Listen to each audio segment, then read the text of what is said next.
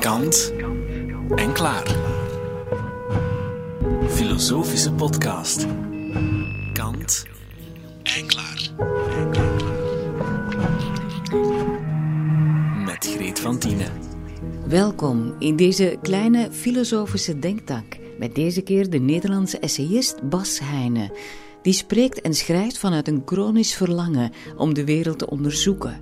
Voor Heine is die wereld onstabiel en zijn wij veranderlijke wezens.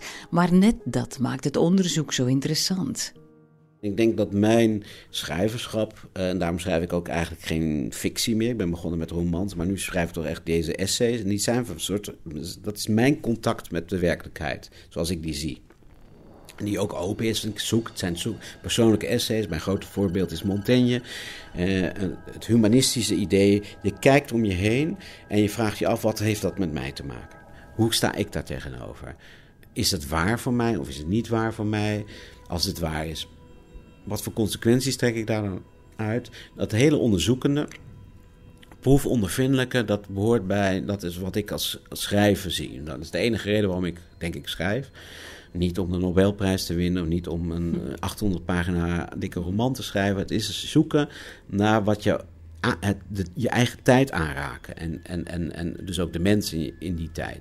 Die leven en jezelf zien in die tijd. Maar dit, dat heeft natuurlijk ook een schaduwkant. Dat je soms, dat als je overal voor open staat, dan wordt het ook soms te veel. Of dan, dan kun je het niet verwerken. Of dan denk je niet, niet weer uh, dit. Want dit heb ik al zo vaak meegemaakt. Ook krijgen we dat weer.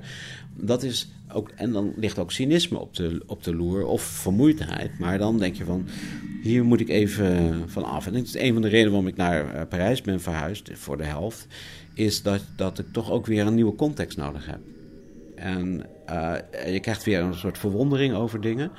En dat, dat doet me heel veel goed. Ik zal nu mijn ontslag aanbieden aan zijn majesteit de koning.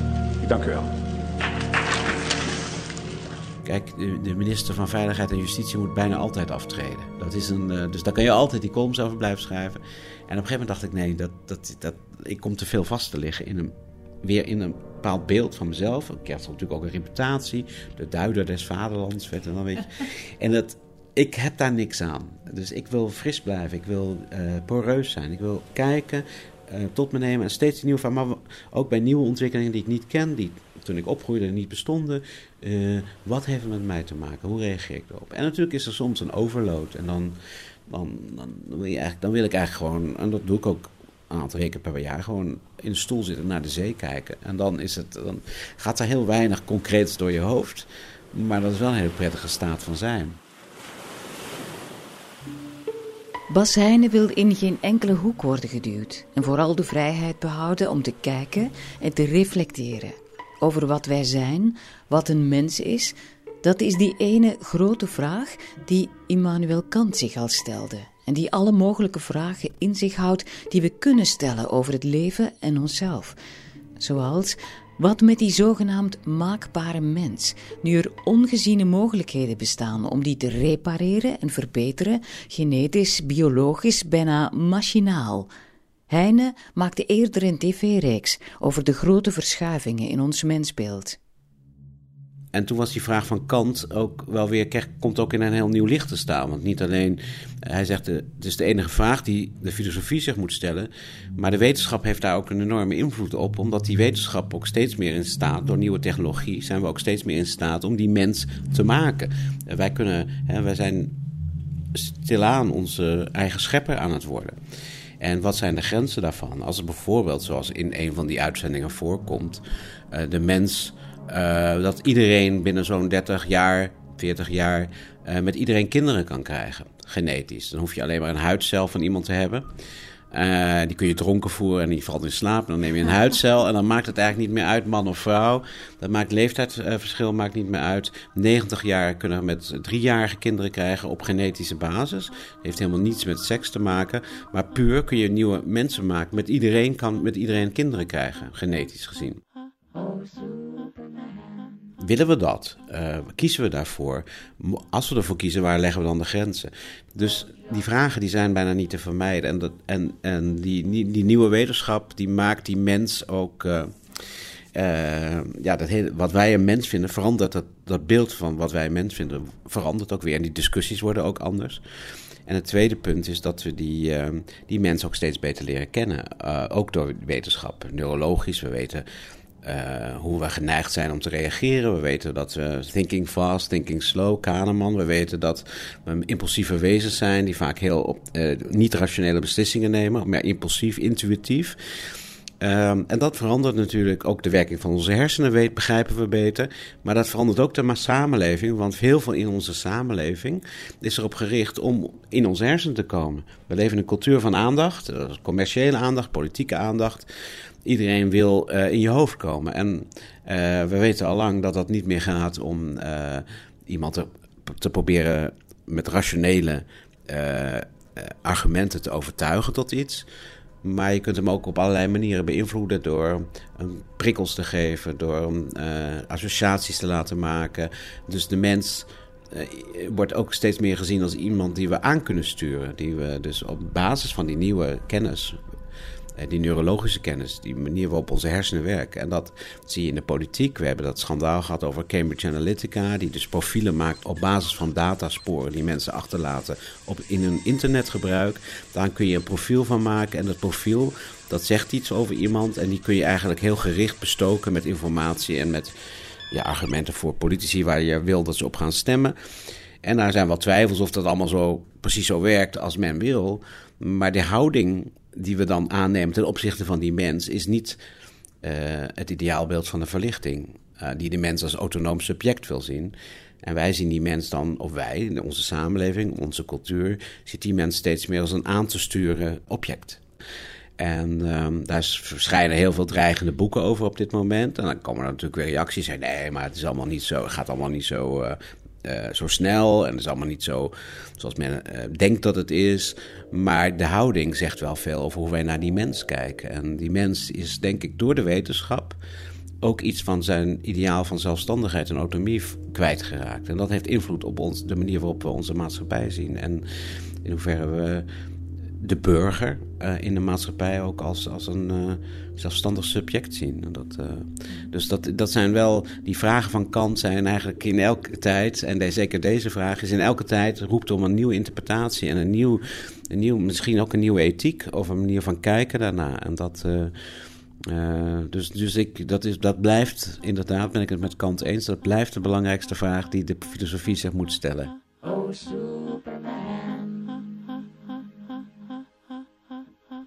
Maar het probleem is, uh, die, die uh, Zavolesco heet die, en die, uh, die heeft provocerende meningen. Die vindt dat de mens zich uiteindelijk moet verbeteren. En ik denk ook dat de wereld zichzelf kan redden doordat die mens zich kan verbeteren. Dus zijn stelling is een beetje, de mens maakt er een puinhoop van, altijd. Die mens is tot falen gedoemd en die is irrationeel en die kunnen we eigenlijk niet vertrouwen om het goede te doen. Dus gaan we die mens zo verbeteren, genetisch, dat hij het goede gaat doen. Maar daar zit natuurlijk een hele.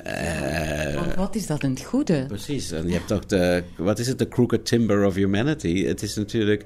Die mens gaat de mens beter maken. Maar die mens is faalbaar. En wat hij beter gaat maken is ook faalbaar. Maar als iets wat faalbaar is, iets wat faalbaar is, gaat verbeteren. dan lijkt mij een heel duidelijk dat je dan hele rare ontsporingen krijgt. Inzicht in hoe die wankele mens zich altijd al heeft proberen te redden in een onzekere wereld, vindt Bas Heijnen bij zijn geliefde auteurs uit het fin de siècle.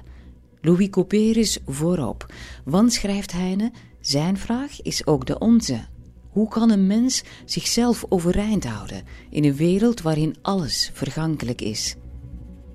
Couperus is een van die schrijvers, Joseph Conrad is een ander, die, die twijfels die toen rezen. Wat is als je, als je niet meer die godsdienst krijgt als iets van uh, waar je geen vraagtekens bij zet. Als je gaat twijfelen over de afkomst van de mens, als je gaat twijfelen over de dieptes van onze psyche, uh, of hoe die zich verhouden met de moraal waarnaar we leven. Uh, als je gaat twijfelen over de economische orde waarin we de maatschappij hebben gegoten. Uh, wat is dan een goed en zoveel leven?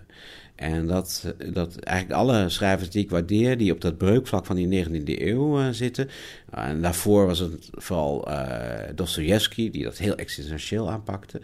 Die gaan met die twijfel, die nemen die twijfel als uitgangspunt. En dat vind ik, vind ik heel waardevol, zeker als het dan grote schrijvers betreft, om die, om die, die onzekerheid te omarmen en daaruit te kijken van, maar wat is dan de zin, van, wat is dan een waardevol leven als je het zelf moet ontdekken, als je zelf een betekenis moet geven. En, en bij Couperus is, is denk ik, daar heb ik de grootste les die ik daarvan van geleerd heb. En Henry James is een ander schrijver die dat thema heel erg centraal staat in zijn werk. In Portrait of a Lady bijvoorbeeld. Is dat een mens die uh, zelf het leven moet maken, of moet, van betekenis moet voorzien, die moet in beelden denken. Wij moeten altijd onze verbeelding laten werken. En um, dat is, uh, een mens is een verbeeldingsvol wezen. Die kan altijd, die zoekt altijd verhalen, die maakt, verzoekt betekenissen. Uh, dat heeft hij ook nodig. Wij kunnen niet iets laten zijn zonder dat we gaan interpreteren. Kijk naar wat we met onze huisdieren doen. Dat vind ik altijd een heel leuk voorbeeld. Als je een kat hebt of een hond, dan ga je projecteren. Want wij weten niet wat er in die hond of de kat zich afspeelt. Wij kunnen niet in zijn hoofd kijken. We kunnen zich, ons niet, ons empathisch vermogen kan nog zo groot zijn, maar we zullen niet weten. Uh, wij moeten die kat interpreteren. Of hij uh, plezier heeft, of hij honger heeft, dat is dan vaak wel duidelijk. Maar wat hij van ons vindt, wat hij over ons denkt, waarom hij op ons schoot wil zitten of juist niet, dat hebben we ons verhaal bij gemaakt, maar dat is ons verhaal. We moeten interpreteren. Maar het gevaar bestaat dat we overinterpreteren. En dat, dat we de werkelijkheid, zoals jullie zeggen, aan ons voordoet, dat we die zo in ons beeld uh, gaan. Uh, vastleggen dat die werkelijkheid er zelf er niet meer zo toe doet. Dat het beeld van die werkelijkheid voor ons belangrijker wordt dan die werkelijkheid zelf. Dat we geen open blik meer hebben op die werkelijkheid. En dat is denk ik het gevaar van verbeelding. Dat verbeelding kan altijd inbeelding worden. Alsof we dan uh, een foto van een plaats als, als werkelijk nemen en de werkelijkheid valt weg achter die foto ja, en verdwijnt, ja. wordt vernietigd in feite. Ja, en dus die verbeelding en inbeelding, dat zijn eigenlijk altijd twee polen van de menselijke verbeelding. En daar zit altijd risico bij. Dat zullen we nooit oplossen. Daar is ook geen antwoord op. Dat is altijd het verharding van het beeld wordt inbeelding. En dat is voor mij een van de belangrijkste filosofische inzichten of lessen die ik heb geleerd uit het, uit het werk van mijn lievelingsauteurs, zoals Henry James en, en. Uh, veel meer dan, uh, dan, uh, vanuit de filosofie. En voor mij is dat ook een. Daardoor begrijp ik ook beter uh, waarom de wereld, zo, waarom mensen zo zijn zoals ze zijn. Waarom de uh, mensen reageren zoals ze reageren. En waarom mensen zich soms afsluiten tegenover uh, ten opzichte van kennis die hun wereldbeeld aan het wankelen dreigt te brengen. En waarom ze zeggen, bepaalde feiten niet toelaten of bepaalde ideeën niet willen zien. Uh, dat komt omdat ze bang zijn dat dat beeld wat ze hebben van de werkelijkheid onderuit gehaald wordt. En dat... Ja, want we willen zo graag vastigheid onder ja. onze voeten. We voelen ons zo snel verloren. Al, al hoewel we dat niet zullen zeggen. En zeker, in een wereld die behoorlijk uh, complex is geworden. Uh, en, en, en, waarin we ook voortdurend met andersdenkenden geconfronteerd worden. Omdat nu eenmaal geen homogene cultuur meer bestaat. En we ook contact hebben met de rest van de wereld. Die globalisering zit in ons allemaal. Dan is het de verleiding groot om terug te vallen op kleine verhalen die dan zekerheid bieden. En uh, dat begrijp ik heel goed, maar het lijkt mij niet. En ik, niet alleen dat het niet zo goed voor de maatschappij is, met alle effecten die we, waar we het al over hadden, maar ook voor jezelf uh, is het toch een soort reductie van je eigen persoonlijkheid. Identiteit is een reductie van je persoonlijkheid. Dat geeft misschien houvast, maar als mens wil je zo zijn, wil je zo leven, wil je jezelf reduceren tot één identiteit of tot één overtuiging van hoe de werkelijkheid eruit moet zien.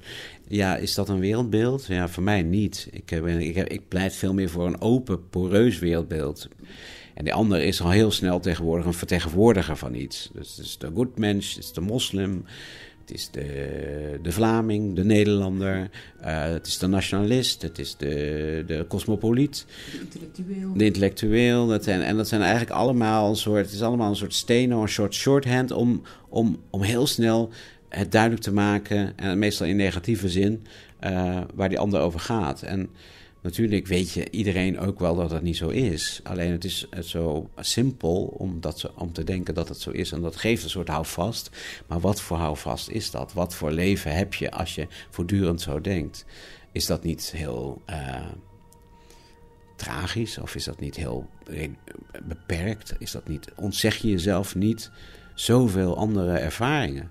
Zoek die ervaringen die jou juist uit die comfortzone halen. Probeer die ervaringen uh, te proeven die misschien tegen jouw eigen instincten ingaan. Want dan, dat zijn echte prikkels die je dwingen om na te denken over jezelf en de wereld.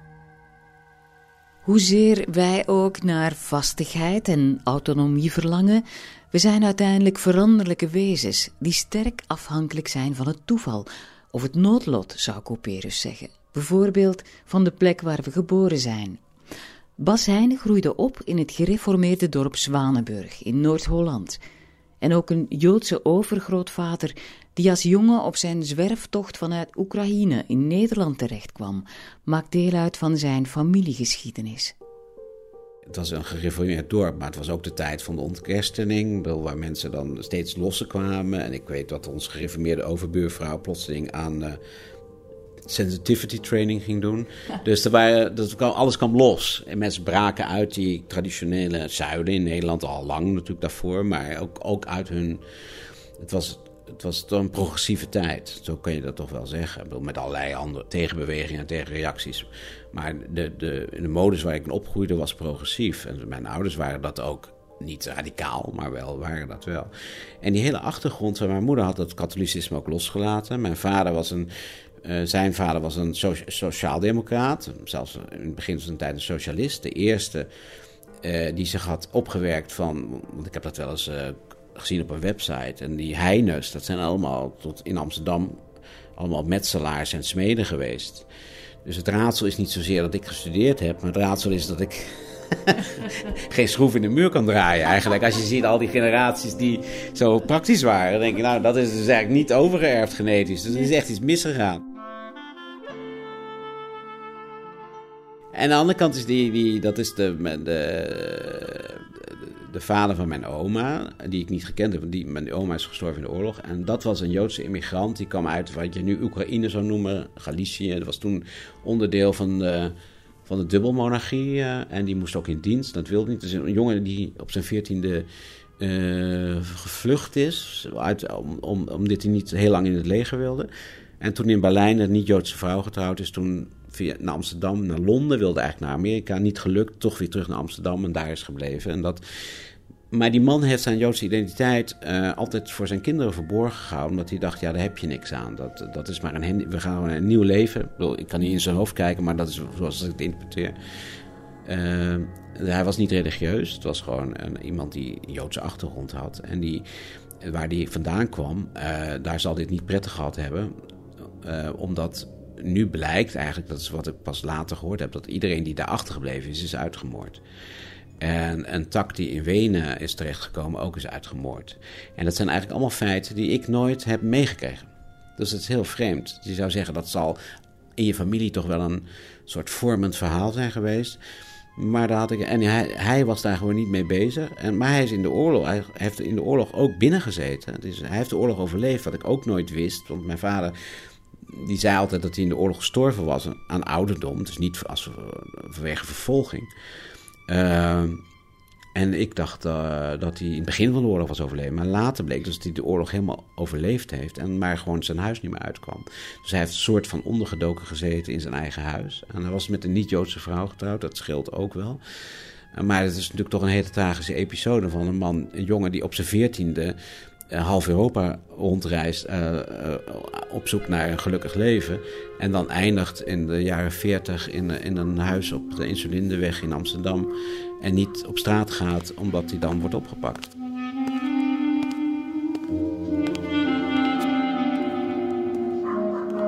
Het, vreemde is dat het hele verhaal heb ik nu wel zo'n beetje door een familielid uitgezocht en op papier. En daar is, zit echt veel vervolging in. Want er is, is ik zei, die tak in Wenen is ook op één iemand na ook helemaal uitgeroeid.